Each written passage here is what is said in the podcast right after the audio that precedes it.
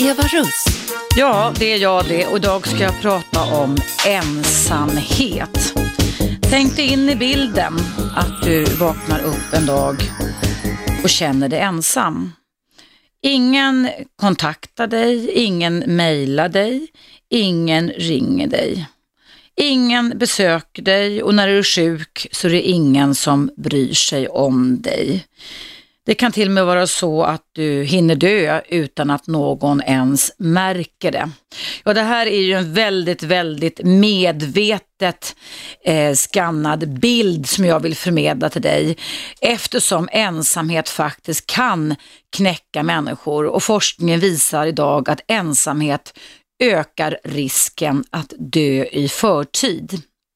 Känner du dig ensam? Har du varit ensam och kunnat bryta din ensamhet? Vad har du gjort åt det? Hur gjorde du då? Jag vill att du ringer in till mig här på Radio 1 och numret in till mig, mitt program Eva Russ är 0200 11 12 13. Du kan också göra som många väljer att göra, mejla mig och då är mejladressen eva radio1 snabelagmail.com. Ja, eh, forskning visar att ensamhet innebär en risk för att vi kan dö i förtid och då handlar det givetvis om ofrivillig ensamhet, inte en ensamhet som, som, som vi har valt själva, för då har vi någonstans någon slags kontroll över det här. Och det som är gemensamt för våran människoart, det är att de allra, allra flesta av oss har en stark känsla och längtan efter att få stå i relation, stå i förbindelse med andra människor. Jag skulle vilja gå så långt och säga att vi faktiskt har en inre drivkraft att leva nära andra människor och att vi är relationsinriktade. Och eh, Sen lång tid tillbaka så vet vi att vi kan få svårt att överleva om vi inte har någon eller några andra människor att relatera till. Risken för ohälsa, både psykiskt och fysiskt, minskar när vi har en relation och därför så är varma, nära och fredliga relationer livsangörande för vår utveckling och mentala hälsa. Ring in till mig, numret är 0200 11 12 13. Det är fullt på alla kanaler just nu. Vi ska höra vem som är på tråden. Hallå, vem är där? Hallå? Hallå? Hallå, vem finns på tråden? Hallå, vem finns på tråden? Hej! Hej, välkommen till mitt program. Vad heter du? Ja tack, Anna. Anna. Ja, hej. känner du igen dig? Känner du dig ensam? Nej, inte jag. Men eh, alltså min mamma Mm. är jag så orolig för. Ja, Eh, berätta hur hon har det just nu, din mamma. Eh, alltså hon, ja, hon är mycket ensam hela tiden och eh, hon trivs med det, säger hon. Mm. Liksom. Men jag vet att hon egentligen liksom, skulle vilja hitta på saker mer och komma ut och grejer. Och jag, jag får så dåligt samvete. Mm. Hur gammal är din mamma, Anna? Ja, vad är hon? Hon är eh, 70 plus. 70 plus, ja. Ja. Är hon kry fysiskt sett hon skulle kunna aktivera sig lite mer? Vad sa du? Är hon kry fysiskt sett så att hon kan aktivera sig och Ja, röra sig så att säga? Eller, ja. Det är hon absolut. Mm, mm. Har hon varit det länge, Anna, eller? Ja, alltså hon, visst. Alltså hon har ju några vänner som hon umgås med lite då och då. Mm. Liksom. Det är inte så ofta bara. Mm. Och eh, så här, exempelvis när det blir så här, eh, midsommar eller nyår och sådana där saker så är hon bara hemma. Mm. Och jag vet inte, sånt där... Jag mår lite dåligt när man själv då Mm. eh, ja, är ute med vännerna eller med sin pojkvän eller någonting Mm. sånt där. Och jag vet att jag inte ska ha skuldkänslor för det, men eh, jag får det i alla fall. Har du pratat med din mamma om detta och vad du tänker och känner? Ja, fast då blir det bara så lite försvarsställning och Mm. att hon eh, trivs så och eh, att hon vill ha det så. Ja. Och det är Eh. klart att vill hon inte vara mottaglig för att ta in dina tankar så är det ju ett eget val hon gör, även fast det kan vara smärtsamt att titta på precis det som du beskriver här Anna, eller hur? Mm. Eh, om du, nu är inte det så att de vuxna barnen ska ta ansvar för, för föräldrarna hela tiden. Men jag tänker att, att när jag tänker när man, man, blir så pass äldre som din mamma är, så, så är det många som sitter ensamma. Och jag tycker att det skulle vara så fantastiskt om man kunde aktivera sig mer även här i Sverige med i pensionärsföreningar, olika hobbys, mm. har, har du vet, någon bokklubb för pensionärer eller kunna gå på bio på dagtid och diskutera den sen och äta en matbit ihop. Det behövs ju inte så mycket kostsamma saker för att man ska Nej, bryta ensamhetskänslan, eller hur? Mm, och det, alltså hon är väldigt ung i sinnet. Mm.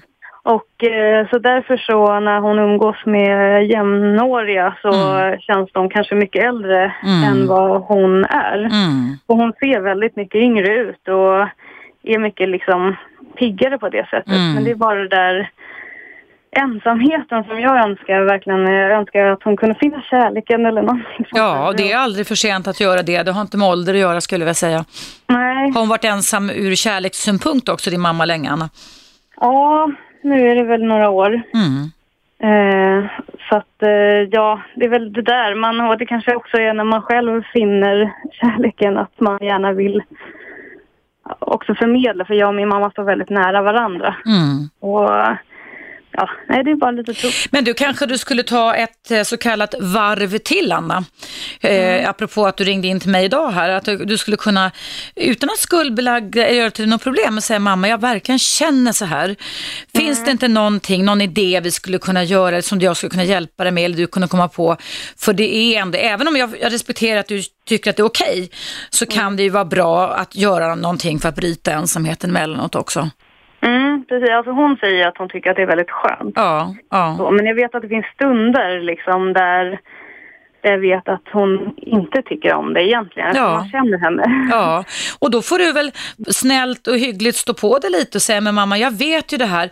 Vad kan vi hitta på? Alltså vara lite lösningsfokuserad tycker jag. Mm. Kan vi spåna lite skulle jag säga. Kan vi spåna lite? Kan vi se oss omkring lite vad du skulle kunna göra?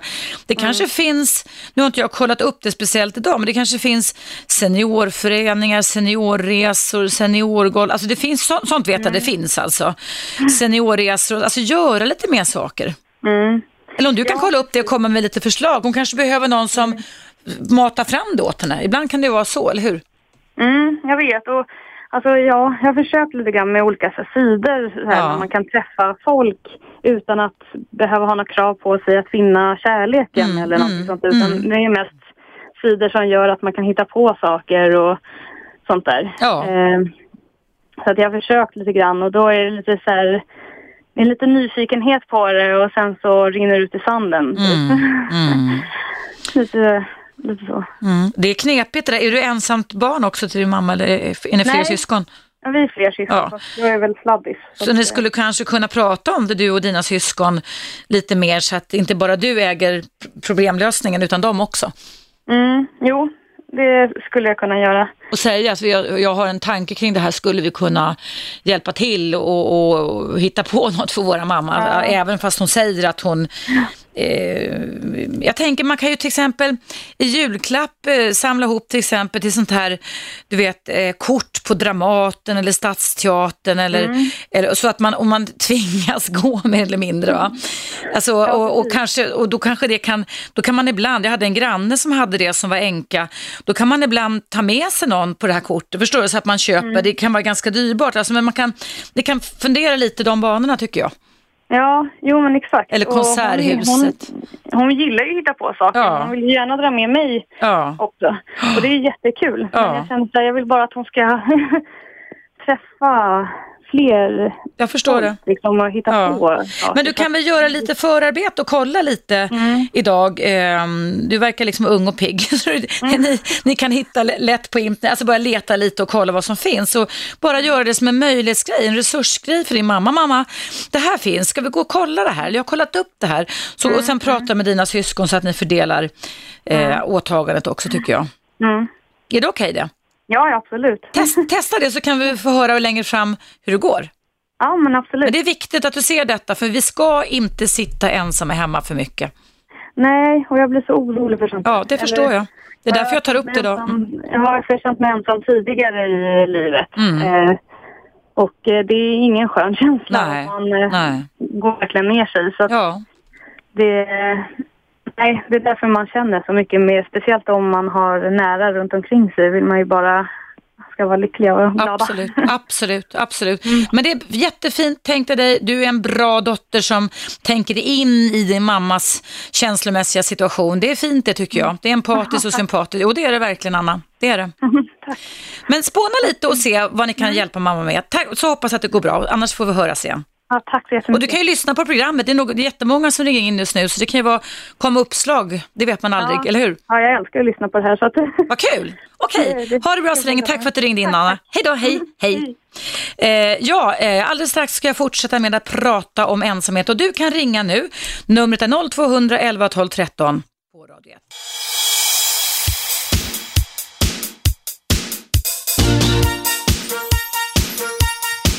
Radio 1. Eva Russ. Ja, det är jag det och det är direktsänd relationsradio. Idag pratar jag om ofrivillig ensamhet. Det är många människor idag som lider av ensamhet och ensamhet är faktiskt förenat med risk. Man kan riskera att bli deprimerad och det kan öka risken för självmord. Eh, känner du dig ensam? Eh, vad har du gjort åt det? Har du gjort någonting åt det? Eller känner du någon som är ensam? Kan du göra något för att hjälpa denna ensamma människa? Ring in till mig, numret är 0200 11 12 13. Nu ska jag prata med Patrik först som ringde in i pausen. Hej Patrik och välkommen tillbaka till Radio 1. Ja, tack. Hej. Hur står det till med dig idag? Jo, det är bara bra tack. Mm. Vad, väckte vi, vad väckte det här ämnet för tankar hos dig Patrik?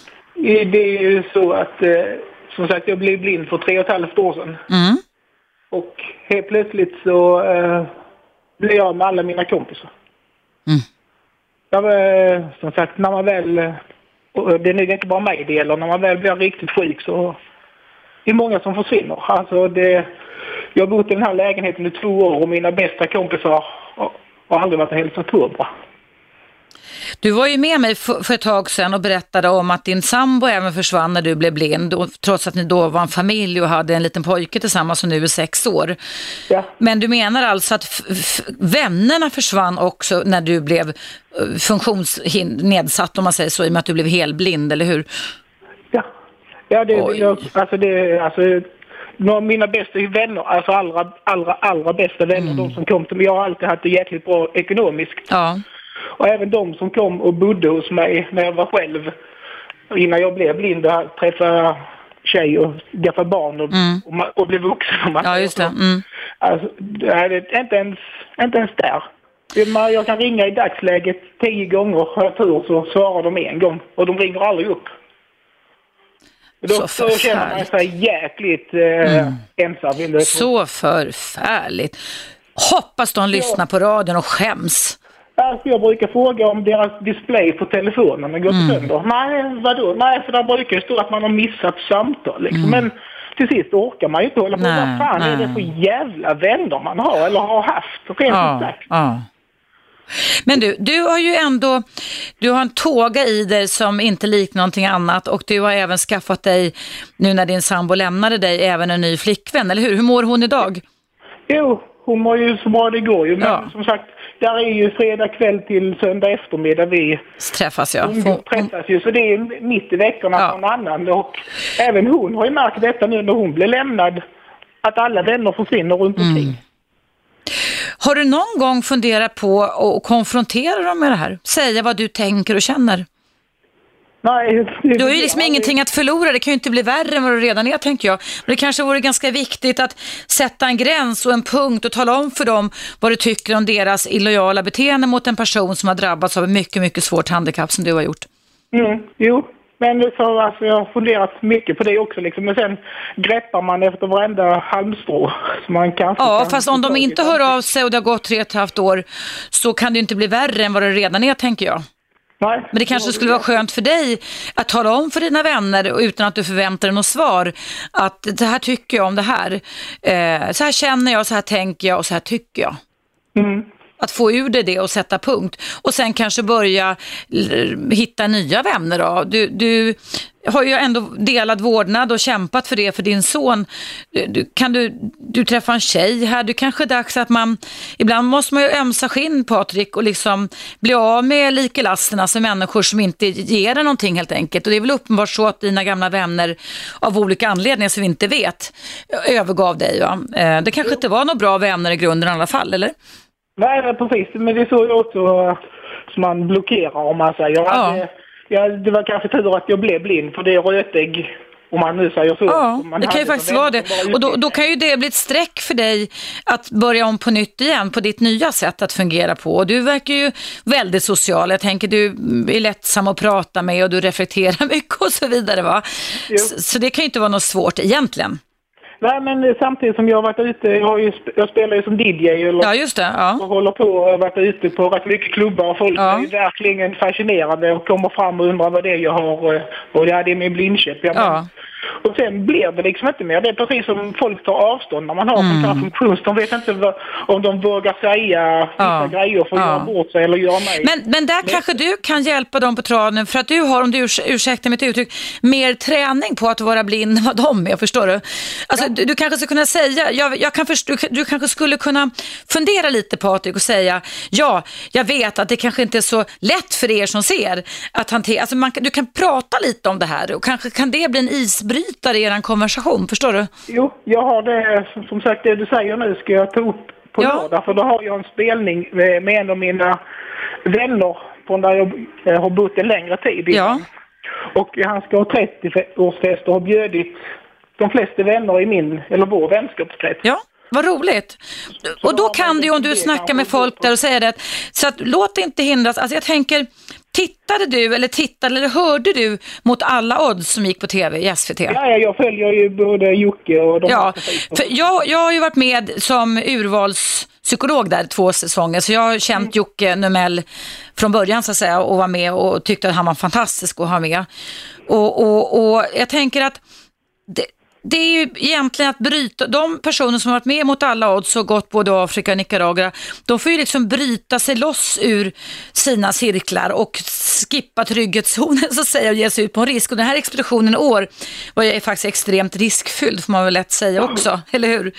Ja, definitivt. Så jag tänker att det, du, kan liksom, du kanske till och med ska eh, bonda med, med Joakim Numell, han finns ju på Facebook, jag vet inte om han tycker det är okej eller inte, men och få lite tips av honom, han är min Facebook-vän också. Förstår du? För att kunna liksom få lite mer ja, idéer om vad du kan göra i ditt nya liv? Det är inte programmet, men han var med och fick lite prata liksom allmänt. Ja. Jag går ju på gym och sådana här grejer. Ja, jättebra, jättebra. Och nu sist när vi tränade så kom det fram en och, och undrar hur, ja, och jag klarar av att ha så mycket vikt på utan att se stången, ja just det. Ja precis, mm. jag är rätt så välbyggd om man, säger ja, så. Bra, det är bra. Alltså, det, är liksom, det, det, har varit mitt försvar om man säger det. Självklart. Man får ut allt annat. Ja, men du kanske ska fundra lite Patrik på hur skulle jag kunna ta, ta tag om en situation som kanske andra människor upplever som lite svår.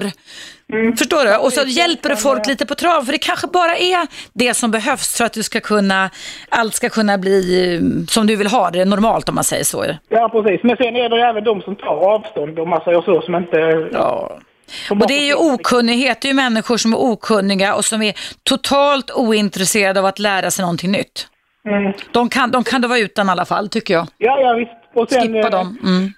Sen vill jag även tacka alla som eh, hörde av sig och skrev in till programmet eh, i torsdags var det. Ja, det var nog en vecka sedan, precis, just det. Ja. Mm. Och tacka alla dem för det, det värmer vill jag säga. Ja, vad roligt. Ja, det hoppas jag verkligen att gör. Men du, vi fortsätter att hålla kontakten Patrik, du och jag. Ja Lycka till på lördag och ha en trevlig semester, för sen går jag på semester ett tag, men jag är tillbaka okay. här i augusti. Jag vill även säga till alla de som har som är vän till någon som får funktionshinder, det är bara att köra på liksom. Mm.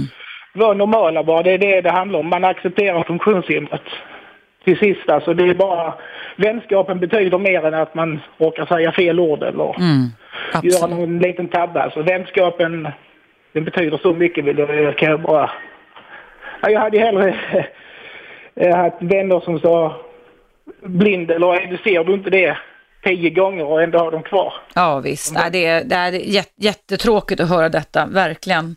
Det, Men... Jag tror det är fler Så tänk, jag vill bara säga, tänk på det allihopa där ute liksom. Ja, verkligen. Vänskapen betyder så jäkla mycket än en, en felsägning. Mm. Mm. Okej okay, Patrik, lycka till på lördag och ha en bra ja. sommar så hoppas vi hörs igen i augusti igen. Ja, tack hej då. Hej då, hej, hej, hej.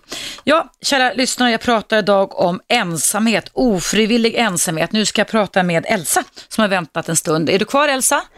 Uh, ja, det är jag. Välkommen till mitt program. Vad väcker det här ämnet för känslor och tankar hos dig? Ja, alltså det jag tänker på det är ju alltså ofrivillig ensamhet som mm.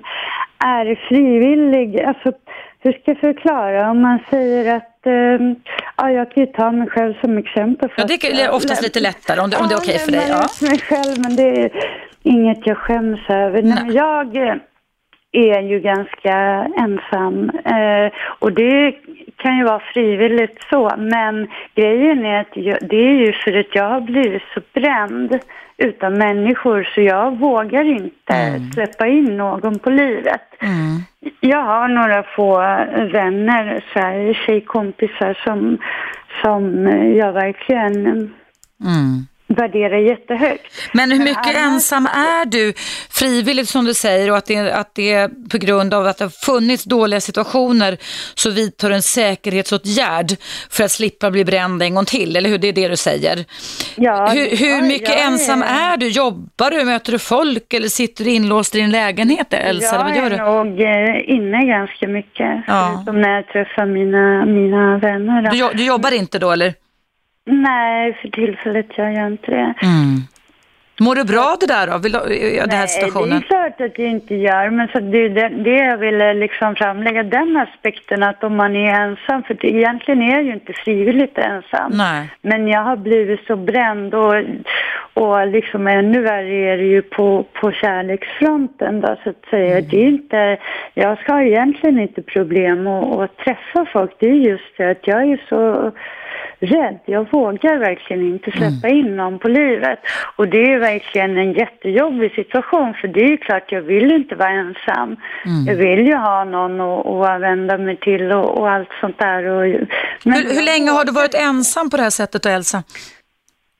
Ja, det är väl i tre år. Alltså jag Oj. har varit tillsammans med en, en eh, psykopat, mm. om man ska oj då. säga. Oj, oj. Ja, så att, eh, sen när vi separerade då, så var jag tvungen att flytta till skyddat boende och sånt där. Mm. Och Eh, ja, det var ju där då som hela min isolering och mm. allting började.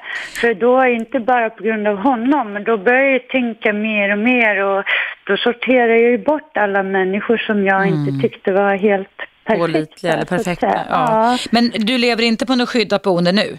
Nej, det gör jag inte. Och hans förföljelser och kontroll av dig har slutat? Ja, det hoppas jag. Bra. Men du, det kanske till och med är så att du skulle få hjälp att bryta din ensamhet genom att få lite psykoterapi eller så. Har du inte övervägt det eller har du fått det? Ja, jag står i, i kö. kö ja, ja, för jag har ju PTSD. Ja, posttraumatiskt äh, stressyndrom. Ja. Men det är just det, ja. hur gör man för att, eh, ja, när det liksom Ja, jag vet inte. Man, jag övertolkar ju allting. Ja. Så det är ju säkert många gånger som jag har bett folk för att flyga säkert bara för mm. att jag tolkar in varenda liten detalj som att aha, den här personen sviker mig. Mm. Aha, nu är det Du är på vakt mot fara ständigt. Du Elsa, eh, kan du stanna kvar över nyheterna som kommer alldeles strax så jag kan coacha dig lite vad du kan göra i små steg? Ja. Är, är det okej? Okay? okay. Ja, då, då, sitter du bara kvar vid telefonen så hörs vi alldeles strax, du och jag igen. Eh, och du lyssnar på Radio 1, eh, det här är Eva Rust, det är direktsändning och ämnet idag är ensamhet. Och stanna gärna kvar och lyssna på vilka råd som jag tillsammans ska jag säga med Elsa ska försöka ge henne för att hon ska kunna bryta sin, ja, faktiskt då ofrivilliga ensamhet.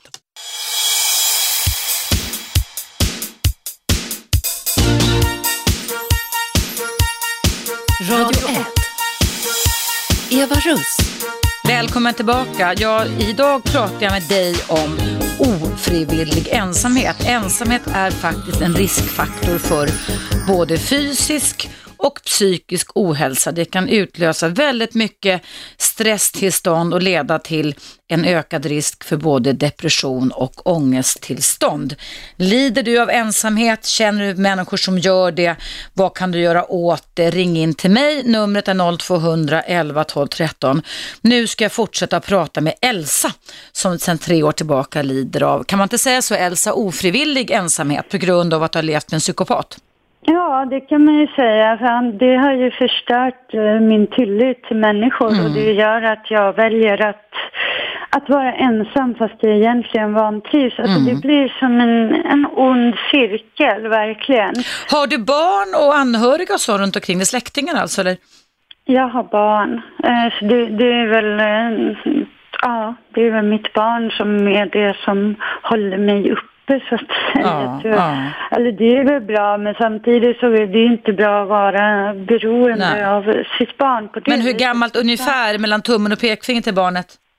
Eh, litet barn eller stort barn alltså? Nej, nybliven tonåring kan man säga. Något sånt, precis. Vi ska inte ah. avslöja så mycket detaljer kring dig, tänker jag, utifrån det du varit med om. Men, men du har vårdnaden om ditt barn så att du har barnet hos dig om man säger så? Ja, det är klart. Men jag mm. menar, det har ju vänner och sånt också och är ja. ute och, och ja. så liksom. Jag tänkte på det du sa innan pausen här Elsa, att när man har levt i en svårt destruktiv relation, eller med en svårt destruktiv partner rättare sagt, så ska det vara. Så är det så, det finns ju i Finland och det är många som vill att jag ska skapa det här i Sverige. När jag tar upp destruktiva relationer, en förening för narcissisternas och psykopaternas offer så heter det Finland då. Och man blir ju skadad, du nämnde innan pausen här PTSD som är alltså posttraumatiskt stresssyndrom. För den diagnosen har du fått utifrån hur din man har behandlat dig. Ja, bland ja, annat. Bland annat. Uh. Mm. Och då är det ju lite så att i och med att du väntar på psykoterapi så befinner du dig i ett ganska sårbart tillstånd kan man säga. Som kan leda till att du ser faror överallt just nu och tänker faror också, eller hur?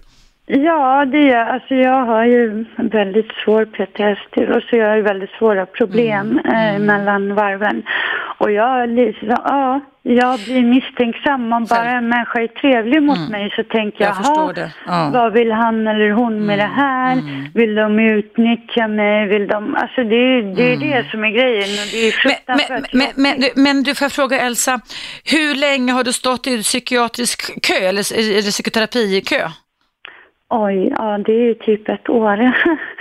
Det är skamligt tycker jag att det tar sån tid. Ja, har du någon vårdkontakt du träffar och pratar med eller som kollar din hälsa? Jo, det har jag väl, men det är ju mest ja, medicinsk behandling. De Får du antidepressiv behandling? Ja. Bra. För jag tänker att det är ju en riskfaktor när man då är skadad som du är psykiskt och kanske även fysiskt att liksom få vänta och vänta och vänta. Va? Men tycker du att den antidepressiva behandlingen håller liksom huvudet ovanför vattenytan i alla fall? Eller? Ja, så jag vet inte om jag kan säga det egentligen, för egentligen ju längre tid det går desto svårare blir ju besvären och ju, mm. ju mer jag tar avstånd från människor desto räddare blir mm, jag ju. Absolut, du förstärker då, ditt eget lidande ja, kan man säga. Det, det blir mm. ju en ond cirkel och som mm. jag säger, jag är ju tacksam över de vänner jag har som jag har valt att behålla för de är ju mm. underbara liksom. Men, men det är just det här att Nej, det är ju en enorm ofrivillig ensamhet och grejen är att egentligen så innan min psykopat ex förstörde allt, han isolerade ju mig eh, under vår relation såklart, eller som är ganska vanligt. Och mm. innan jag träffade honom då så det var jag ju en väldigt aktiv person som mm. aldrig var hemma utan jag var jämt ute och, och gjorde saker. Jag hatar ju egentligen att sitta hemma mm. och det är det som är så tragiskt att eh, allt det här har gjort att men vet du vad Elsa, det är väldigt viktigt och det är viktigt för dig, alla, alla andra som lyssnar också just nu, att inte tro att det här tillståndet du befinner dig i just nu alltid kommer vara så. För du har precis nu beskrivit att tidigare var det inte så här, utan det här är ett tillfälligt tillstånd där du är skadad om man säger så psykiskt. Va? Men det ska ju läka, när du får rätt behandling så kommer, det här, kommer du komma in i ett nytt livsskede Elsa, där du inte kommer känna på samma sätt. Det är det som behandlingar är till för. Ja. Så att ditt fortsatta liv just nu mår du dåligt med, eftersom du varit med om hemska saker. Men det betyder inte att du alltid ska må dåligt. Och det är just det här generaliserade tänkandet, att som du säger att alla, man är misstänksam hela tiden, som kan leda till ökad isolation. Ja, men det, så är det ju. Mm. Men kan du, kan du aktivera dig dagtid så länge som du väntar på att få din behandling? Har du någon kompis? Du kan ju, för att ett, ett sätt att häva depressiva tankar något är i alla fall att man rör på sig fysiskt varje dag. Jo, det är klart. Ut, ut ur lägenheten, bostaden och ta en lång promenad med någon kompis så att du känner dig trygg att ha någon med dig. Då kan man prata, det sker liksom en tömningsfunktion också eh, av psyket när man rör på sig och kan snacka med någon också. Jo, nej, men det, det har du rätt när jag är ute och går mm. eller sådär, då, då mår jag ju regel bättre. Mm. Men det är ju det att jag har ju även social fobi och sånt där. Jag tycker ju mm. det är jobbigt med mm. folk liksom. Men om du tar med dig någon kompis och sätter på dig solglasögon, alltså du kommer säkert få hjälp med ganska mycket när väl din tur är inom psykiatrin. Men, men just nu så kan det ändå vara bra att försöka gå emot de onda cirklarna för att du måste utmana dem något själv för att känna att du får lite tillbaka kontrollen över ditt liv. Det är det som är problemet också, att det är så jäkla svårt att bryta det. Mm. Det, det, ja, det är många gånger så. Jag hör vad du säger och jag tror att du behöver verklig hjälp med detta. Men kan du inte påverka genom att i alla fall ringa då och fråga varför det ska ta sån tid för dig att vänta ett år när du mår så pass dåligt? Jo, det kan jag göra. Det är en hemuppgift du får av mig Elsa, att ringa och säga, jag har pratat med en psykolog och psykoterapeut nu och hon tycker att det är skamligt att jag som mår så dåligt ska behöva vänta ett år på behandling. Ja, nej, men det har du rätt i. Jag, mm. jag, ska ringa och försöka tjata lite. Försök att tjata lite och träna dig på att även gå ut när det inte är så bra väder och ta en liten promenad. Alltså allt, allting som du gör lite annorlunda mot det vanliga stiltjet är en förändring. Ja, Ja, men det är sant. Prova Elsa, så får du höra av dig sen och berätta hur det går. All min empati och sympati till dig. Eh, tack för att du ringde in och ville berätta och tack för att du lyssnade på mig och på Radio 1. Ja, tack så mycket. Och ring nu, är du snäll? Ja, tack. Bra, tack. Hej då. Hej. Ja, du lyssnar på Radio 1. Jag pratar idag om ensamhet som är förenat med risk. Det är faktiskt så att eh, om man lever och upplever sig själv ofrivilligt ensam så sätter det sig på våran allmänna hälsa både psykiskt och fysiskt. I gårdagens Metro så stod det om ensamhet eh, och där uppmärksammade man i Sverige eh, människor som har dött ensamma, som har legat ensamma och oupptäckta i allt ifrån två till tre månader till tre år. Det är ju alldeles, alldeles förskräckligt tycker jag. Du kan ringa nu, numret är 0200 11 12 13 och jag fortsätter alldeles strax med att prata med dig om ensamhet.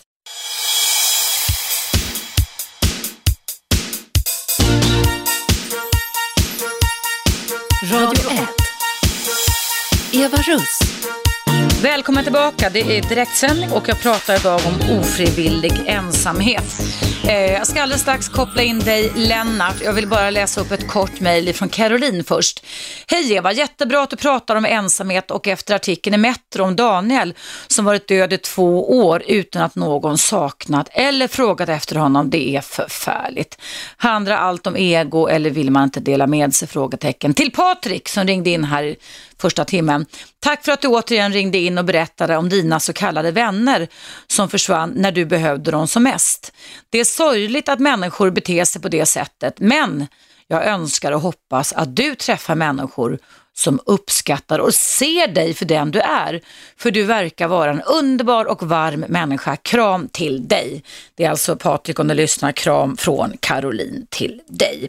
Ja, nu ska jag prata ensamhet med Lennart som har starka tankar och känslor kring detta. Välkommen Lennart. Ja, tack ska du ha. Jo, först vill jag bara säga till Patrik att man ser verkligen, verkligen vad som är de så kallade verkliga vännerna Mm. när man hamnar i en svår livssituation. Det har ju många framträtt och yppat alltså.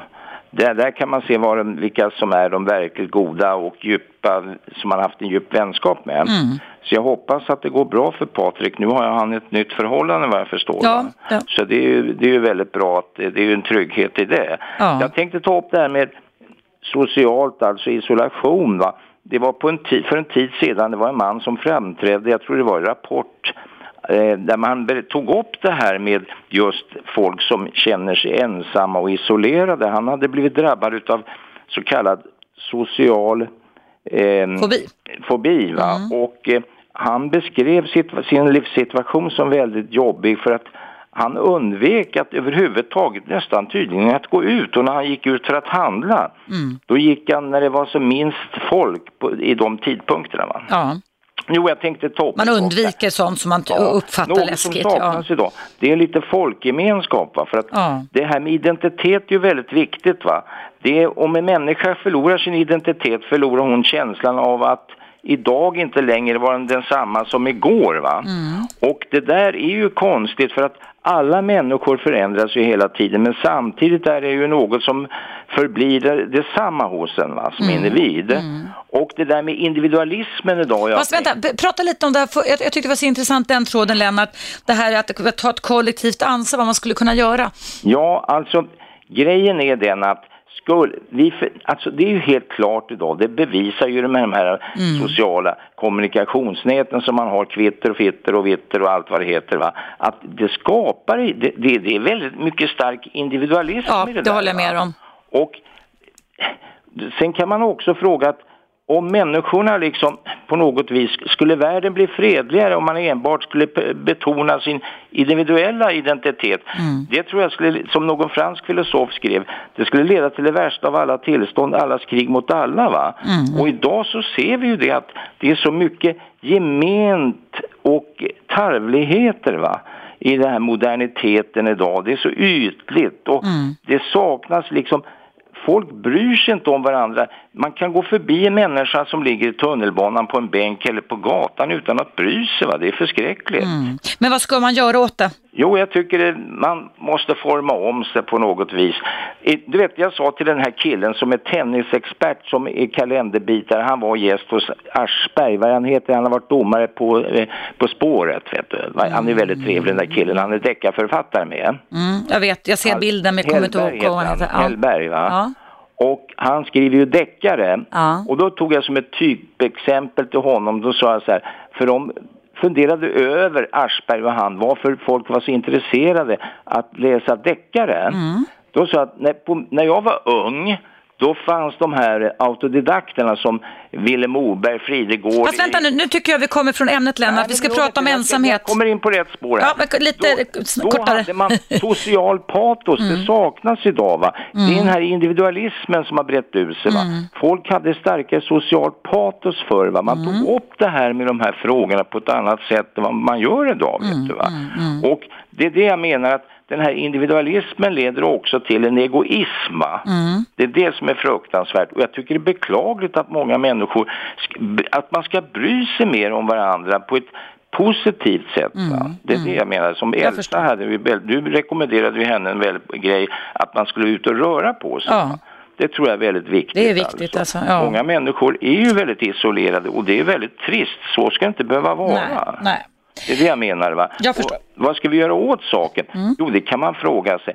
Hur kommer vi kunna lösa de här problemen? Det finns så många människor, hör du, äldre och yngre, som sitter ensamma och kanske under helger bjud hem någon människa till. Mm. Knacka på dörrarna, våga bjuda in, våga, vet våga vara osvensk kan man kalla det för. Mm. Om en kusin exempelvis är frånskild och han lever nu i, i, i, som ensittare, varför inte ringa honom då och säga, hörru du, Jalle, kom hem till oss Ja. och bjuder vi dig på middag. Absolut. Och, Det är sådana saker jag tycker man ska ta vara på, alltså de små sakerna som kan betyda oerhört Ja. mycket för en annan män- medmänniska. Va? och om man har dåligt med pengar så kan man ju sala till det och om man vill, man kan ordna en liten filmklubb hemma hos sig, man kan parta på att gå på Bailando och hyra en aktuell film eller en gammal film Ja, visst, och sitta bara och ta en kopp kaffe och- eller te. Alltså, men det behöver inte vara så märkvärdigt du, egentligen. Man kan ju bara umgås och prata. Ja, jag menar det, bara det till och med Lennart, eller hur? Ja, det är väl enkelt. Det finns så mycket intressanta Mm. Ja. saker som man kan diskutera Ja. om. Som man tycker in, om man, du vet, jag brukar ta reda på om jag träffar en person. Va? Mm. Är den personen vi, har en, vi kan ta som ett typexempel. Om man har en kusin och man vet att han inte har ett Mm. visst ämnesområde kan man ju diskutera det med honom och sen Mm. kan man komma in på andra saker, kanske vara behjälpligt för honom. Precis, så att man liksom ökar Om kontaktytorna. han ja. har några Mm. problem va? Och så vidare. Så jag tycker det där är väldigt vi- viktigt att man ska bry sig mer. Va? Mm. Att det ska bli lite mer gemenskap mellan folk. Alltså Håller med dig, va? håller med dig. Det- Tack, det tack jättemycket Tack Lennart för dina Hej, äh, alternativ och förslag. Ha en jättebra dag. Ja, Tusen detsamma. tack. Hej, hej, hej, hej. Och om du är nytillkommen lyssnare så lyssnar du på Eva Russ och det här är Frekvens 101,9 och det är Radio 1, Sveriges nya pratradio. Och jag pratar med dig idag om ofrivillig ensamhet, det är alltså ämnet idag. Nu ska vi se vad det är för inringare, eller vem det är rättare sagt. Vem finns på tråden där, hallå? Johanna. Hej Johanna, välkommen. Hej, hej. Jo, eh, det är så här att jag bor i Norrtälje och det här handlar i och för sig om barn men jag tänkte att det kanske skulle kunna gå att applicera på något sätt. Eh, det är nämligen så att i en av skolorna som jag i alla fall vet så har de någonting som heter fontänen. De har en fontän ute på skolgården. Mm. Och eh, är man ensam och inte har någon att leka med, då ställer man sig vid fontänen. Och sen är det allas kollektiva ansvar att se till att ingen står vid fontänen. Vilken bra idé! Visst är det helt Fruktansvärt bra idé om man nu kan säga så. Jättebra idé rättare sagt. Ja, så att ibland kan till och med flickan hemma komma och säga ja, jag ställde mig i fontänen idag så jag lekte med de här idag. Alltså att det, det hela tiden uppmärksammas att nu står det någon där, då går någon och tar tag i dem och ibland Mm. kan det vara flera stycken på väg. Mm. Eh, Och då känner jag liksom att även om det inte är vården eller samhället i sig ansvar kanske så, men alltså jag har tänkt på det också, jag jobbade på SÖS-akuten ett bra tag och runt jul kommer alla in med hjärtbesvär för att de inte vill vara själva. Just. Eh, Mm. de, de säger att de har något problem så att de får komma in helt enkelt. och I värmen och får värme. relatera Ja. till andra människor istället. Ja. Precis, och där kände jag liksom att kunde man för sjutton inte få något socialt på recept, klockan 14 på söndag ska du samlas här. Jo. Alltså, det känns... Det skulle inte vara så enkelt, eller det skulle inte vara så svårt egentligen, eller hur? Nej, det, det jag känner liksom att, för att jag jobbar ju på ett hemtjänstföretag också här i Mm. stan.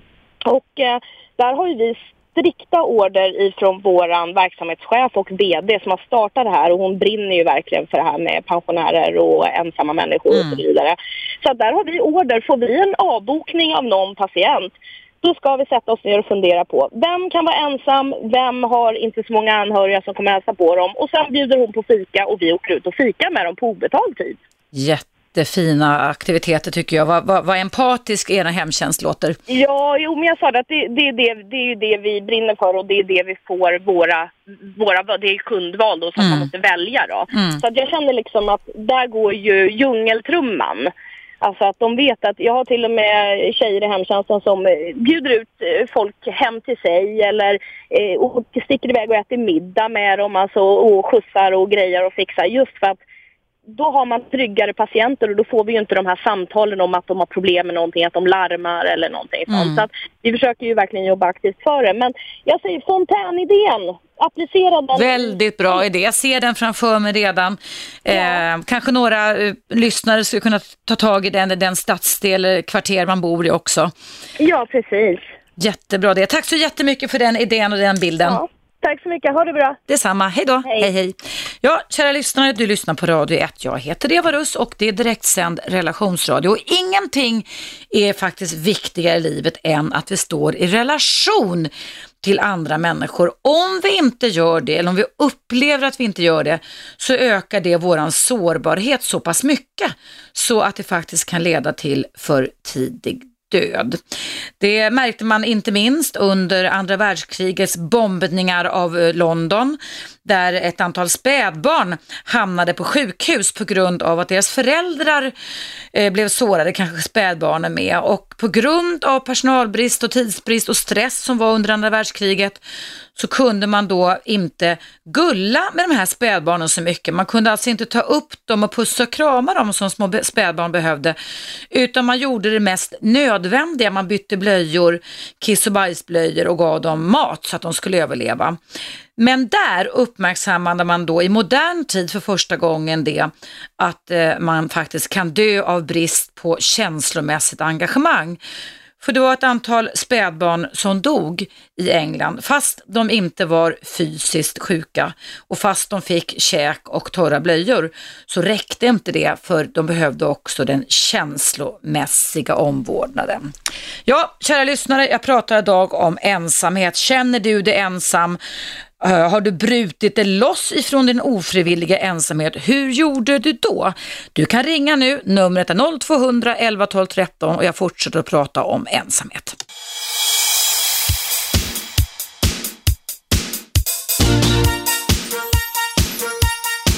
Radio 1. Eva Russ.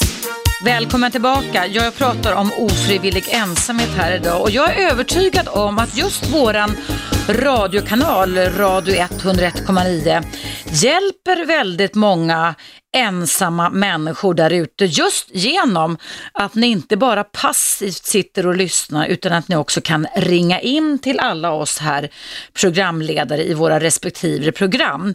Det är faktiskt ett ganska bra terapeutiskt grepp att ha någon att prata med. Sen eh, är det också viktigt om du känner dig ensam att du börjar göra någonting åt det.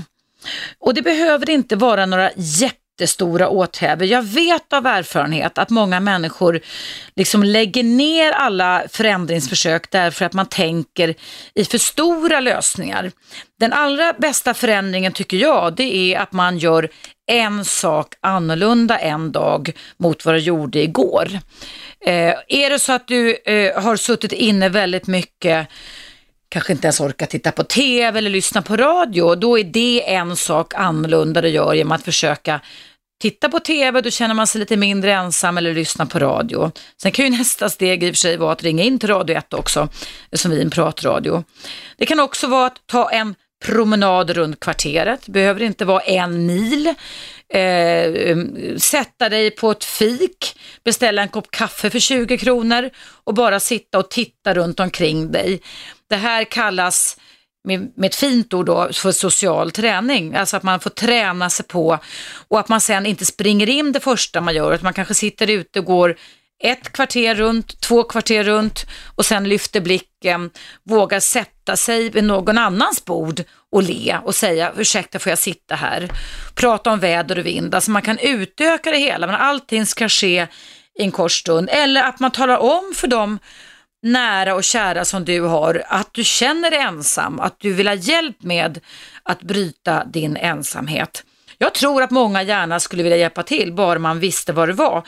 Men jag tycker som, som så här personlighetsdrag att många av oss svenskar är för fega. Vi törs inte. Vi törs inte berätta vad det är. Vi ska vara väldigt nordiska och hålla inne sånt istället för att prata ut. Jag är övertygad om att i varmare länder i Sydeuropa och så vidare så säger man som det är på gott och på ont givetvis. Men jag tror att det kan vara många, många gånger bättre. Speak out, prata ut istället för att hålla inne. Ja, jag pratar idag om ensamhet. Vi ska höra vem det är som ringer in. Hallå, vem är du? Vem är du? Hejsan, det är Abbe här. Hej Abbe, välkommen. Hej, tack. Det är faktiskt bra. Riktigt bra ämne ni tog upp och diskutera. Tycker du det? Ja. ja. På, på vilket sätt tänker du att det är bra för dig då? Jo, det är för att eh, jag har ju runt omkring att många kompisar och många arbetskollegor som man har jobbat med. Ja. De känner sig ensamma och så. Mm. Va, har du, har du, känner du dig själv ensam, Abbe, eller? Nej, jag känner inte mig själv ensam, men jag är medmänniska så jag, jag lider med de som är ensamma. Mm. Hjälper du andra människor som känner sig ensamma också? Eh, ja, verkligen. Det är som du sa, jag pratar med dem och jag umgås och har kul och försöker hålla sig uppdaterade. Bara ringa och kolla mm. läget. Mm. Så, gjorde jag, så har jag också alltid gjort i mitt hus där jag bor. Så hade jag under många, många år en jättefin relation med tant Sonja som gick bort. Jag pratade med henne i mitt program här 28 februari i år och hon, hon blev ensam när hennes man gick bort för tre år sedan och eh, då tog jag det som lite uppgift att hålla henne vid liv så länge som möjligt. Ja. Eh, och det gick bra tills den dagen hon bestämde sig för att hon inte ville leva längre. Hon blev 86 år. Men det var roligt att få göra det, att få hjälpa och jag tyckte om henne som person också. Ja, alltså, men det jag tänkte på också mer är att jag tror det beror på mycket, alltså det här ensamheten eh, numera är på grund av att vi har för lite barn, för, för få barn. Ja, kan det också vara. Ja. Vi relaterar mer till våra egna karriärer, våra egon än till andra. Det är det du säger. Exakt, jag läste häromdagen på Metro att det var en man som, som gick bort Mm. eh, i två år och ingen hade koll. Kan du begripa? Ja, precis. Kan du, kan du fatta, Abbe? Det är förskräckligt. Stackars, stackars, stackars människa. Så jag tycker att eh, man borde satsa mer på familjeliv och skaffa Mm. mer barn. Mm. Så, ja, det är lite hemskt att säga, men om en går bort eller om någonting från en flyttar så, så finns det fler. Mm. Man har reservtanken med sig. Så kan man också tänka. Du, Abbe, tack så jättemycket för dina tankar. Tack för att du ringde in. Tack, tack. Fortsätt bra, bra jobb. Tack detsamma. Hej då Abbe, hej, hej. Ja, man kan ju också vara ensam i en relation. Eh, Anette är det, hon skriver så här. Jag hörde att dagens program handlar om ensamhet. Jag har en, visserligen en sambo, men känner mig fruktansvärt ensam ändå. I oktober 2012 blev jag arbetslös. Från början sökte jag frenetiskt efter ett nytt arbete. Dagarna blev längre och längre på grund av min sambo. På grund av att min sambo är fotbollstränare och inte hemma så mycket. Mina vänner bor väldigt långt ifrån. Det slutade med att jag började dricka alkohol mer och mer. Nu sitter jag, oj då, nu sitter jag dagarna i ända och lyssnar på Radio 1 från 6 till 19.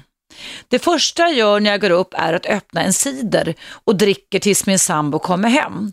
Folk har slutat att ringa mig då jag dricker numera. Den enda gången jag går utanför dörren är när jag måste handla. Hur ska jag komma tillbaka till verkligheten? Tack för att du finns. Hälsningar Anette. Kära Anette, vad bra och modigt av dig att du ändå mejlade till mig. Det tycker jag var väldigt, väldigt, väldigt bra. Eh, du är verkligen inne i farliga cirklar. Du har utvecklat ett alkoholmissbruk och ett alkoholberoende. Även ett radio 1-beroende kan man väl säga, men som gör att du då inte rör på dig.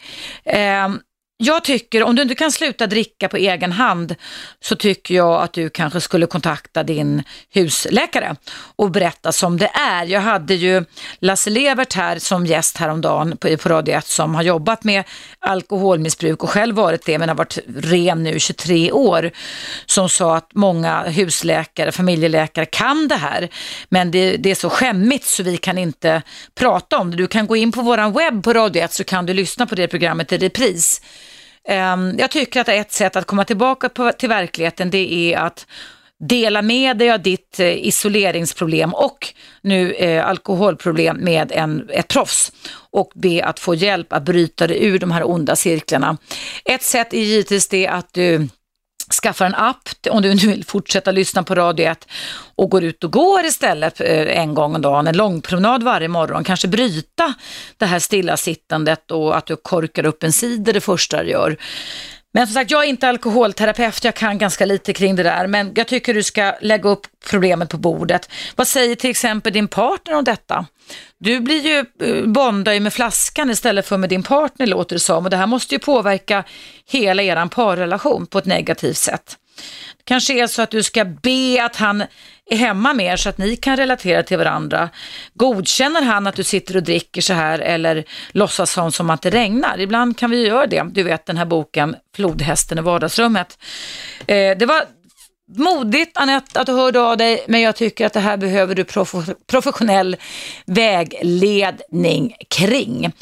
Eh, punkt där. Ja, du lyssnar på Radio 1. Jag heter Eva Russ och det är direktsändning och jag pratar om ensamhet. Nu ska vi se vem som finns på tråden nu. Hallå, vem är där? Ja, jag heter eh, Jolivia och eh, eh, jag eh, skulle vilja prata om... Du kan dra ner volymen lite där bakom Olivia. Ja, Ja, Sådär, nu blev det bättre. Ja. Vad vill, vill, vill du prata med mig om? Eh, jo, jag, jag tänkte jag skulle vilja prata om eh, eh, varför man blir ensam efter att eh, vänner och eh, kamrater eh, som försvinner för att man har haft en man som misshandlar. Ja, det är lite som Elsa berättade om. Men du, har du småbarn där omkring dig eller? Ja, det är lugnt, det är lugnt. Det är, fi, det är fina sångklanger. Men du, eh, kan du vänta en liten stund då? För vi ska fortsätta efter, efter en liten paus som kommer här. Om du bara hänger kvar på luren.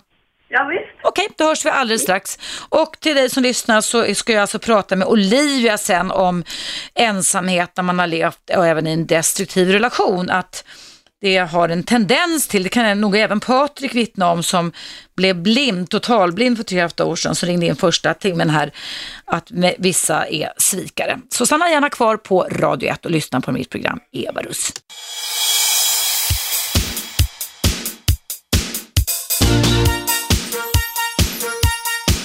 Radio 1. Eva Russ. Välkommen tillbaka. Jag, idag pratar jag med dig om ofrivillig ensamhet. Det var ju ett uppmärksammat reportage i tidningen Metro häromdagen om människor som blir deprimerade och håller sig undan och det upptäcks döda efter flera år till och med. Och ensamhet är ett gissel. Vi människor är faktiskt inte skapade för att vara ensamma, såvida det inte är så att vi liksom väljer det själva. Eh, man kan ju gå i kloster och så vidare, men då är man ju inte heller ensam. Dels så relaterar man till en högre makt och sen så har man väl klostervänner runt omkring sig, så man är ändå inte så ensam som många tror, om man nu väljer den ensamheten. Eh, jag ska prata med Olivia som ringde in innan pausen. Hallå Olivia, är, är du kvar? Ja. Bra. Berätta vad du har varit med om och vad du tänker kring ensamhet. Eh, ja, jag var ju med om en eh, destruktiv eh, relation. Mm. Eh, den var ju bra och så i början, men då var det några vänner som varnade mig. Mm. Hur länge sedan är detta ungefär? Ja, det är 12 år sedan. Okej. Eh, och sen hette det... Men eh, den varade i åtta år, Mm. den relationen. Eh, men sen så... Eh, eh, så han blev ju mer våldsammare, både fysiskt och eh, psykiskt. Mm. Och bland annat hotade, mm, inte alla mina vänner, men två stycken av mina vänner. Eh, och jag var ju ärlig och, och sa det. Och ehm, de eh, avslutade sin eh, relation till mig för, på grund av att de var rädda för sin e- eget liv, som de själva sa. Mm. Och det kan man ju förstå, det kan man ju förstå, på, kanske det står i alla fall. Mm. Det förstår jag. Men eh, det är de här vännerna som jag liksom haft eh, kontakt med telefon och brevledes med och eh, nu också med e-mail då. Mm. Det är de vännerna jag undrar vad de tog vägen. Men det är klart att livet förändras väl för dem också. Men Mm. Har, har du gjort någonting själv? Alltså nu är du ur den här destruktiva relationen. i den relationen. Och mannen är borta hoppas jag. Ja, och den mannen är borta och får inte liksom bo nära. Nej. Och han håller sig i skinnet nu också eller? Ja, jo. Det Bra. Jag har inte hört det sett. Men jag vågar inte göra det här med Facebook. För att, Nej. Nej. eh, Ja, eh, det är lite så. Och det är många som nu för tiden är, eh, ja, har du Facebook och då så har man inte det så kommer man ju liksom utanför lite. Mm. Det förstår jag också, det är ju ett dilemma för din del. Men och, du, och jag kan inte riktigt förklara för dem eftersom det är i början kanske jag går en, en danskurs och det är början och då känns det att man inte kan förklara för dem ja, ja. riktigt. Vad säger du då Ol- Olivia när du har tänkt förklara eller försöker förklara? Jag har e-mail och jag lever lite i bromsåldern brukar jag säga men Ja. Men du, jag har, en, jag har ju tre vuxna barn och en av mina barn vägrar Facebook. Han är 27. Ja. Så det är inget, tycker inte jag är något konstigt. Det är många som inte vill ha Facebook. Jag tror till och med att på sikt att Facebook-användandet kommer gå ner. ja. För vi blottar oss för mycket, det blir knasigt. Vi träffar inte folk i verkligheten. Vi bara... Just det, här, just det här att man vet också att eh, på Facebook, det är det enda som man skriver, det är allting vad man Skryt. med. Ja. Till exempel om jag bakar bullar till hundra bullar och sen jag ger Ja, till, ja. till eh, grannar och så. Allt det där fina, men allt det där var, vardagliga liksom att man kanske de där gångerna man inte lyckas med bullarna Mm. eller vad det nu än är. Ja. Ja. Det, det liksom syns inte på Facebook. Ja. Det är så omänskligt tycker jag. Ja. Men eh, Men jag tycker att kanske du skulle kunna fundera lite Olivia över vilka av de här vännerna som du inte hör av sig som du ändå vill fightas lite för, som du, alltså, som du vägrar att släppa. Och sen kanske du ska ta och ta kontakt med dem, att du får tyvärr göra så för att få igång dem igen och se om det är möjligt att få kontakt igen. ja, jag har faktiskt fått, fått kontakt med en pers- pe- person. Eh, för att hon själv är, med barn och så. Jag har ju själv en liten. Ja. Det var lite kul faktiskt. Vad roligt och där, där, tog du, där, där fick du liksom ta ansvaret för det. För det har jag all respekt för att det inte alltid är så lätt när man har gått igenom en sån här jobbig och destruktiv relation. Då blir man väldigt nedsatt både psykiskt och fysiskt. Jag märker min eh, själv, vad tror jag heter, Själ- självkänsla är, är väldigt eh, låg. Ja, ja. Och det kanske syns ibland. Men, men jag tycker, så, jag har faktiskt sagt det, jag låter det ta tid. Det kommer ta tid. ja. Varför, varför, jag förstår inte varför man tiden ska skämmas så mycket. Nej, det behöver du verkligen inte göra. Det är inte, det, det är inte ditt fel att du valde en partner som är knasig. Vad sa du? Det tog ju lång tid att bli av med den eh, självkänslan. Ja. Jag hade ju bra, bra självkänsla. Innan ja, ja. Men den kan du hitta tillbaka igen, den har inte försvunnit. Nej. Den har omdirigerats. Det kommer ta tid och det har jag accepterat själv. Men, Ja. men det verkar som att samhället och omgivningen inte riktigt accepterar det. Utan man ska liksom knäppa på fingrarna och allting ska vara Ja, ja. och... Ja, nej men alltså det där tar tid.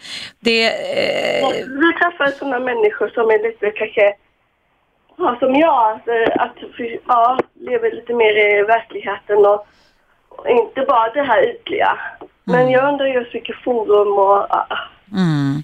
Ja, alltså det finns ju många, om man är ensam Olivia, det finns ju många forum. Eh, det finns, ehm, ja nu tappade jag tråden i mitt huvud kring detta. ehm, Shake My World heter det. Det finns, och sen finns det massor med andra, om man säger singelklubbar, man kan gå in i en hobby, en föreningsliv och sådana saker som faktiskt kan leda till att man träffar nya vänner.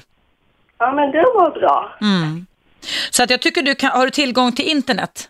Ja, det har jag. Ja, så googla lite på det här med eh, klubbar, singelskap, event och sådana saker.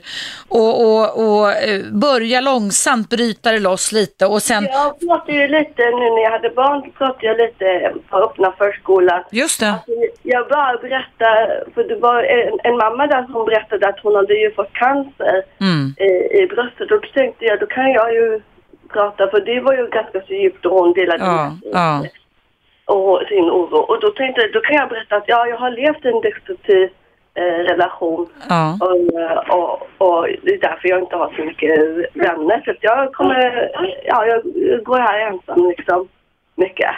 Har du gjort det eller tänker du göra det? När jag, när jag sa det till er i en grupp, men det blev lite eh, olika mottaget. Ja. Vissa slutade ju prata om allt, allt med mig och vissa sa Ja, det var ju synd, och, men du kan ju våga hoppa fallskärm eller... Ja, jag förstår. Där, där har ju en distinktion Olivia som är klassisk lite tycker jag att fysiska symptom eller en fysisk sjukdom det är, är, är okej va. Men om man pratar om att själen har fått sina törnar så är vi fortfarande liksom på 1500-talsnivå att vi liksom knappt vill kännas vid det. Det är ju inte klokt egentligen, eller hur? Ja. Men det var, och sen så var det någon som trodde att jag hade fått någon diagnos. Ja, man, man kan ju undra om hon har ADHD. Jag förstod inte Nej, vad taskigt. Sa de så till dig? Det var det att jag... ehm, alltså jag, jag, jag är ju väldigt mycket aktiv med Ja. mitt barn och så. Men det är ju för, kanske för att jag inte har så många vänner. Ja, visst. Men menar du att de försökte sätta en stämpel på dig genom att sätta en diagnos? Nej, vad fräckt. Usch, vad hemskt att höra tycker jag. De, var, de, sa rakt ut så här, ja man kan ju undra om du inte har, alltså har det. Mm. Om du inte har det. Och det var ju öppna förskolan. Och sen var det den här ledaren, hon var lite konstig för att hon gick efter mig hela tiden när jag pratade med andra Mm. mammor och så. Så jag, jag i alla fall gick, gick till en annan öppna förskola. Mm. Jag gjorde så. Nej men hörru du, eh, fight for your rights som det heter Olivia. Eh, det är inte ditt fel att du valde en kar som var destruktiv mot dig. Det är aldrig ditt, den andra partens fel utan det är helt och hållet den destruktiva partens ansvar och oförmåga att kunna se sig själv eh, med andra ögon och söka hjälp. Va? Så det ska ja. du inte anklaga dig själv för. Låt inte honom ta bort din självkänsla. Försök att erövra den tillbaka på olika sätt och vis genom att stå på dig. Någon bok som man kan läsa om? Ja, jag tycker, det var bra att du ställde frågan Olivia. Det finns en, jag tycker att det finns många bra. Alltså, dels så har du en psykoterapeut som Eh, jag känner som ger ut på Natur och kultur. Det är ett bokförlag. Den här boken finns i pocket och den kan man säkert låna på bibliotek och den heter Självkänsla på djupet. Ah, det låter bra. Martha Weston Kullberg. Martha Weston Kullberg. Sen har det lite mer lättare litteratur och det är Mia Törnblom som jag också känner. Självkänsla nu och allt vad de heter. Men de är ganska peppande. Ja, åt företagande för jag har ju inte tänkt ut Ja, så det kan jag tycka är okej va. Och sen så Ja, du kan nästan kanske ta med dig ditt lilla barn och gå till biblioteket och läsa för att ibland kan faktiskt så kallade självhjälpsböcker som jag själv skriver hjälpa många till att liksom få en insikt kring hur man kan göra kring det där. Ja. Eh, ja. Alltså, det här när du pratar om kognitiv beteendeterapi, ja. det har jag frågat om sedan 2004 om jag kan få. Men min kommun säger hela tiden att de inte har pengar till det och så. Mm. Och att jag måste betala det själv.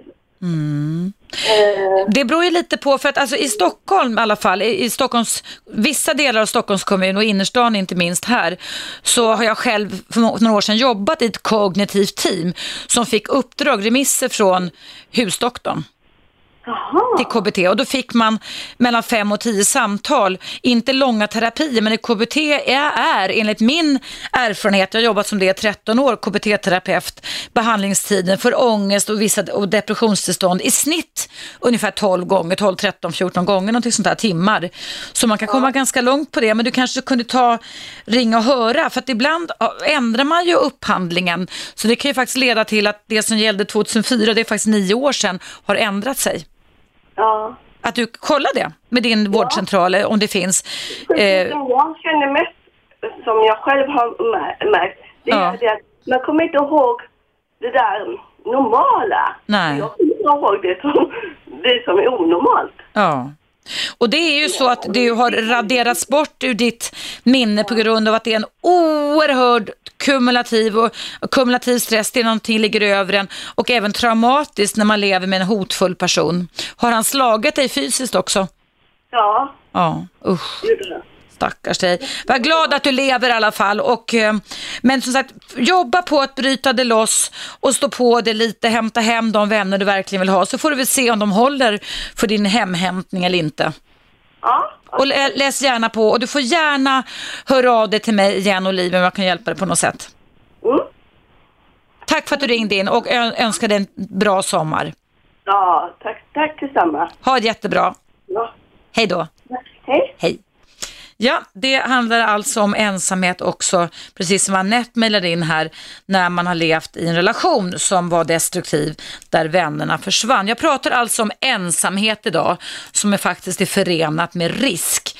Du kan ringa nu, eh, för jag kommer fortsätta prata om ensamhet. Numret är rakt in till Eva Russ här på Radio 1. Numret till Radio 1 är, om du vill prata ensamhet, 0200 11 12 13.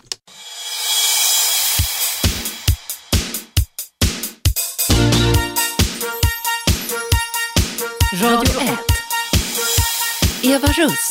Varmt välkommen tillbaka. Jag pratar om ensamhet och nu ska du fatta pennan och skriva ner det här som jag kommer säga nu. För det kan göra skillnad för dig runt om i hela Sverige. Det ringde nämligen in en kvinna här i pausen. Jag vet inte om jag fick säga ditt namn eller inte så jag avstår från det. Som gav mig ett tips som hon pratade sig varm för om du vill bryta din ensamhet. Det heter Sitt Citypolarna, Citypolarna och det finns över hela landet. Det kostar ingenting. De har aktiviteter runt om i landet varje dag och de gör saker för alla i alla åldrar. Och man, de har ungefär fem, sex aktiviteter varje dag plus att man kan komma med aktiviteter som andra kan hänga på. Enligt henne så lär man till och med känna nya kärlekar om det är så. Det finns regioner kring det här med citypoolarna och jag trycker nu då på, det kostar alltså ingenting utan du loggar in på internet, citypoolarna, www.citypoolarna.se Eh, nu är min iPhone väldigt långsam så att det tar en liten stund om jag kan läsa mer om citypoolarna här. Men eh, det var ju en väldigt, det står så här, Träffa nya vänner och hitta på roliga aktiviteter. På Sveriges första aktivitetsforum, Citypolarna, träffar du nya vänner i ordets egentliga bemärkelse. Människor som är lika med dig själv inte är här för att dejta och träffa en partner utan för att hitta just nya vänner. Citypolarna skiljer sig en hel del från andra sajter. Vi vill att du tillbringar så lite tid på sajten som möjligt, att du loggar ut och hänger med på aktiviteterna. Det är Citypolarnas själ och hjärna. Hjärta, själ och hjärta, förlåt. Det är medlemmarna själva som initierar aktiviteterna här på Citypoolerna, inte några kommersiella intressen. Det är också gratis att vara med här, även om vi som driver sajten på vår fritid uppskattar en frivillig slant för att täcka serverkostnaderna. Eh, det är perfekt för dig som exempelvis är nyinflyttad och behöver träffa nya vänner, men också för dig som inte har några vänner. Så det tyckte jag var ett råd. Jag känner faktiskt inte till dem. Tack, tack än en gång. Stort tack, tack, tack för detta råd. Citypoolerna, kom ihåg det nu om du vill bryta din ensamhet. Och du som känner, åh oh, gud, gud, tänk om jag kunde få göra det. Logga in idag och har du ingen dator, knacka på hos grannen eller gå till biblioteket. Be om hjälp, eh, fråga dina nära och kära om de kan hjälpa dig med detta. Nu ska vi se vem det är som är på tråden här. Hallå, vem är där? Det är Linda. Hej Linda, välkommen. Hej, jag pratade med dig igår. Tycker jag känner igen din röst och ditt namn, ja. ja. ja. Jag tänkte bara säga det, den här tjejen som ringde in som hade ett barn. Olivia? Ja, precis. Mm. Jag känner igen mig väldigt mycket med henne och eh, jag vill bara... Eh, två saker. Eh, eh, Mia Törnblom självkänsla. Mm. Jag har läst båda eller två av hennes böcker. Mm. Självkänsla och mera självkänsla. Och de är himla bra faktiskt. Mm. De är himla, himla bra. Sen så finns det ett ställe för människor som är ensamma också som heter Fountain House. Fountain House, ja. Fountain House. Finns det på alla ställen, eller på många ställen runt om i Sverige eller? Ja, det är runt om i Sverige. Det bildades i New York 1948 från ett mentalsjukhus. Mm -hmm. Och där är människor som mår dåligt välkomna att komma. Och där är det aktiviteter, eh, det är radiosändning, jag jobbar själv på radion där. Vad är det för frekvens då om man ska... Det är 101,1. 101,1, vad intressant. Ja. ja, men det är uppehåll, men det går att lyssna på webben också. Ja. Eh, så finns det köket där man kan vara och laga mat. Just det, jag tittar här. Jag ser, får upp Fountain House Stockholm. www.fountainhouse.se stavas det va? Ja, precis. Eh, måste man må psykiskt dåligt då eller kan man komma dit i alla fall? Man kan nog komma dit ändå. Det är alltså alltså det är ju de som mår dåligt och de som är ensamma mår ju ganska dåligt. Så jag kan bara läsa upp, det står så här Linda, eh, eh, Fountain House Stockholm, en av fyra, alla för en. Forskning visar att minst fyra av tio drabbas någon gång i livet av psykisk ohälsa. Vi på Fountain House erbjuder ett fokus på det som är friskt i oss alla genom gemenskap och arbete. Ja. Så vad gör man där till exempel, du som har varit där? Så, ja. Nej, men det, det, finns kontor som man kan jobba på. Eh, det räcker med att man kan komma dit och ta en fika. Mm. Jag ser här, de har jätteroliga namn. Det står så här på gång i huset. Ång, vad stod det så här? Verksamheten, ångestloppet, ångestparaden. Ja, ja, vi har massor av sådana saker. Det är riktigt skoj. Blogg Fontänhögskolan också. Besök oss står det här man kan göra. Ja. ja, precis. Och så får man gå ett litet intro. Det tar en halvtimme ungefär. Ja.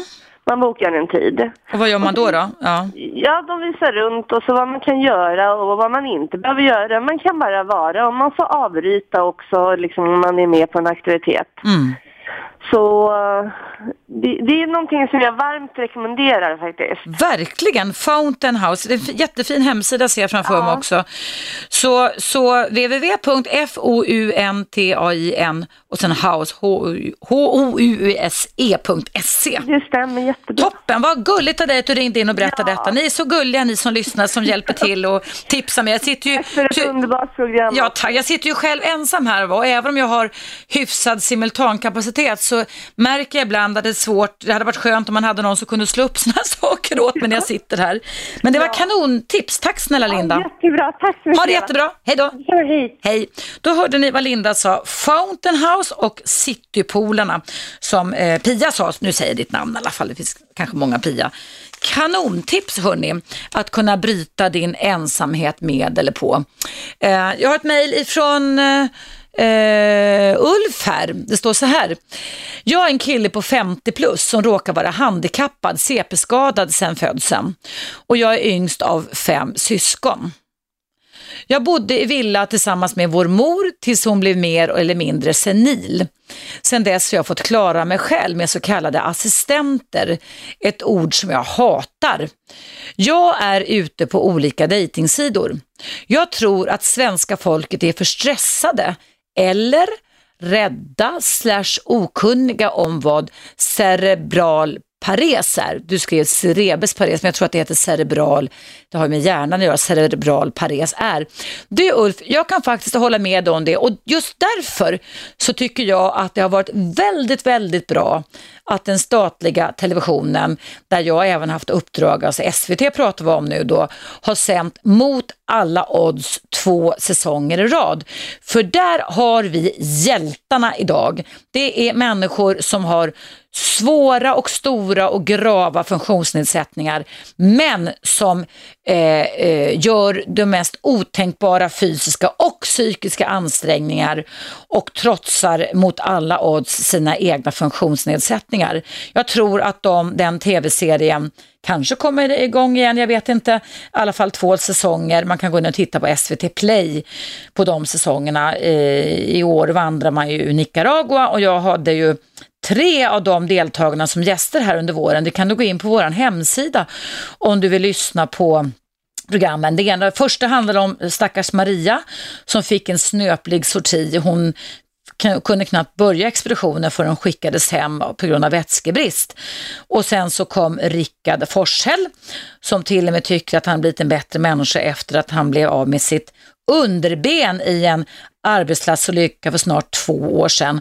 Och sen hade jag, eh, eh, nej inte Rickard Novell, eh, Joakim Numell, Joakim Numell som blev helblind vid ett års ålder och som försörjer eh, fru och fyra barn, fotograferar och styr motorbåtar. Det är ni. Där kan vi andra som ser eh, skämmas lite över det hela. Men som sagt, jag tror också det att ju mer vi visar, visar vad vi kan och vilka vi är och att det faktiskt inte är någon skillnad bara för att man ibland inte kan gå som andra eller inte se som andra, ju bättre kan det bli, tycker jag. Tack ska du ha Ulf för ditt mejl. Eh, jag ska fortsätta att prata om ensamhet. Du kan ringa in till mig nu på Radio 1. Eh, numret är 0211 12 13.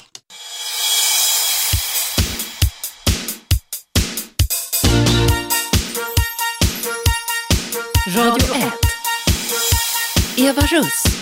Välkommen tillbaka, det är direktsändning och jag pratar om ensamhet och jag kan villigt erkänna det också att sen mina tre barn flyttade hemifrån och jag skilde mig så har jag i omgångar också tampats med ensamhetstjänster.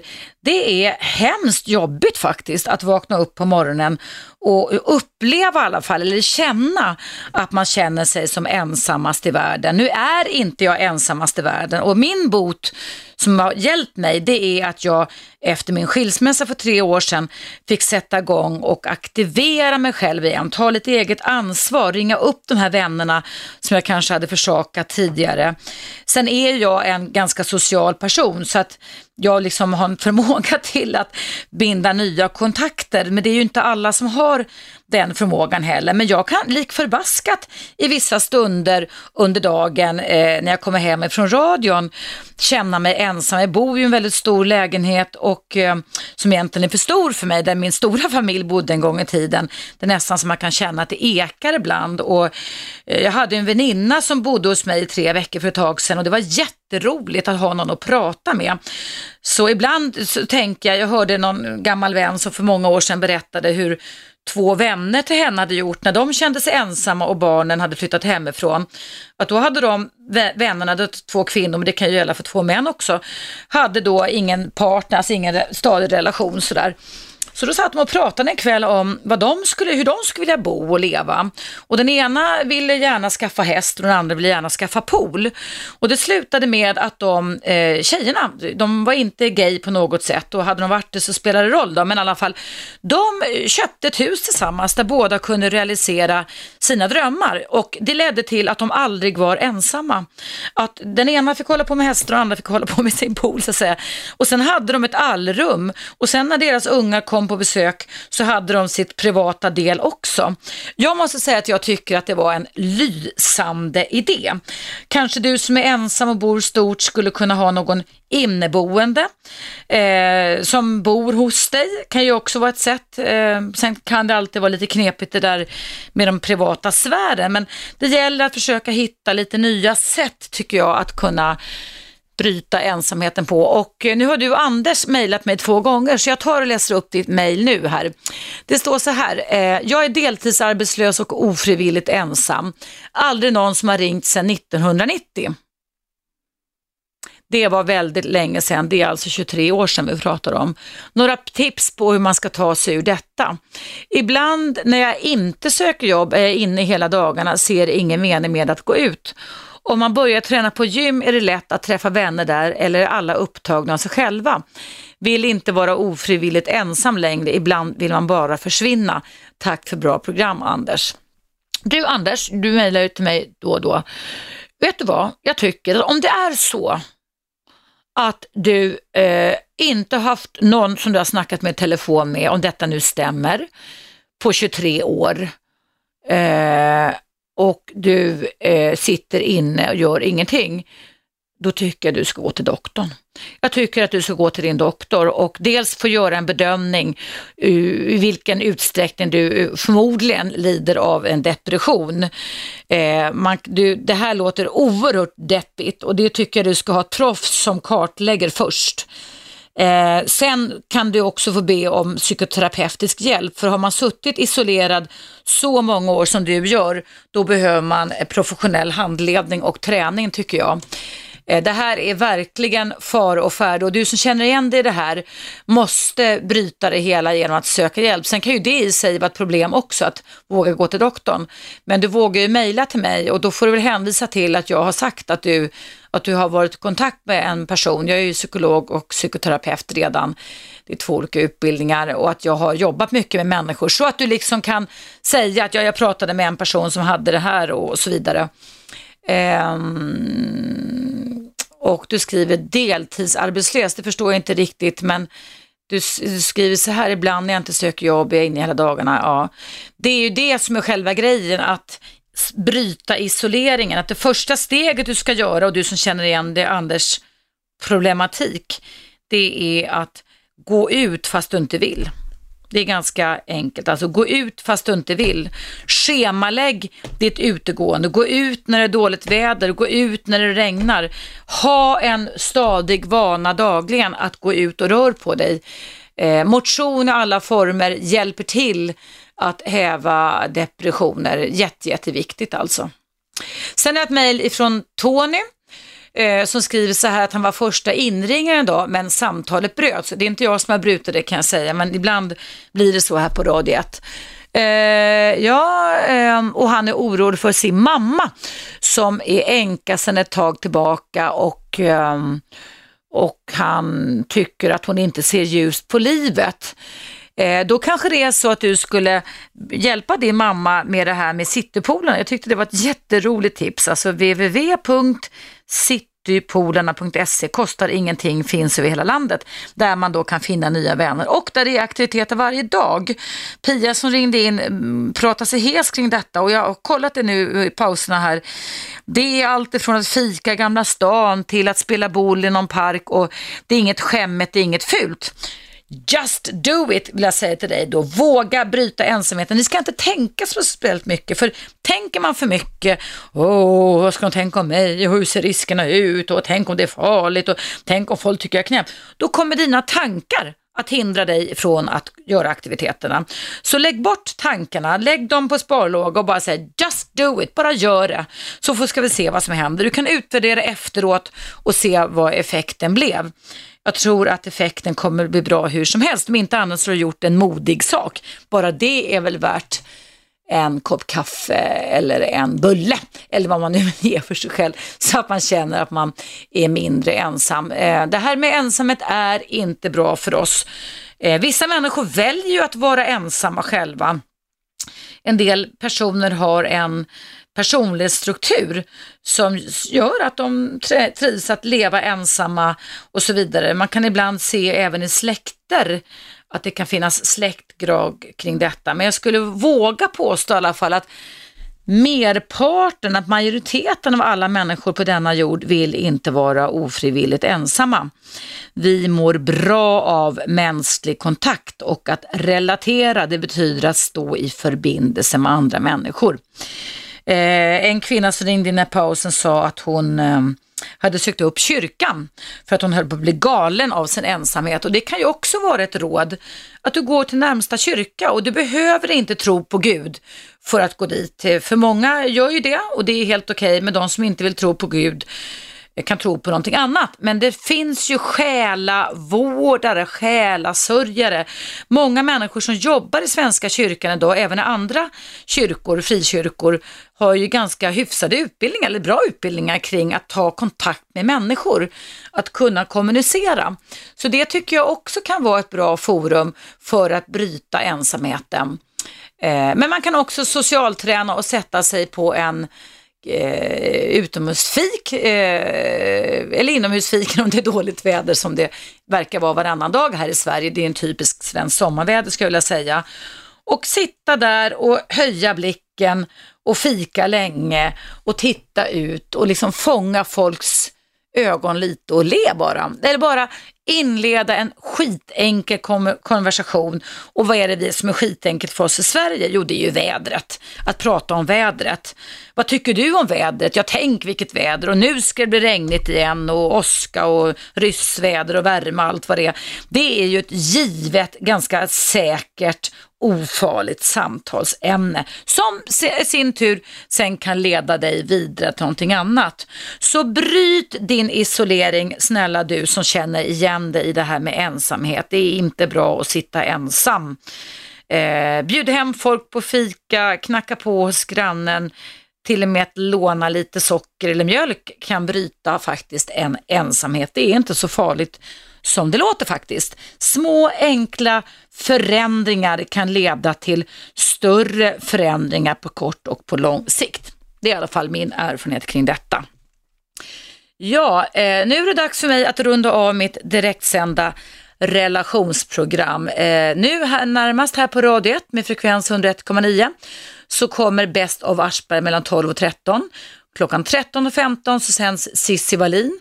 15 till 18 så är det Aschbergs sommarrepriser från säsongen som gått.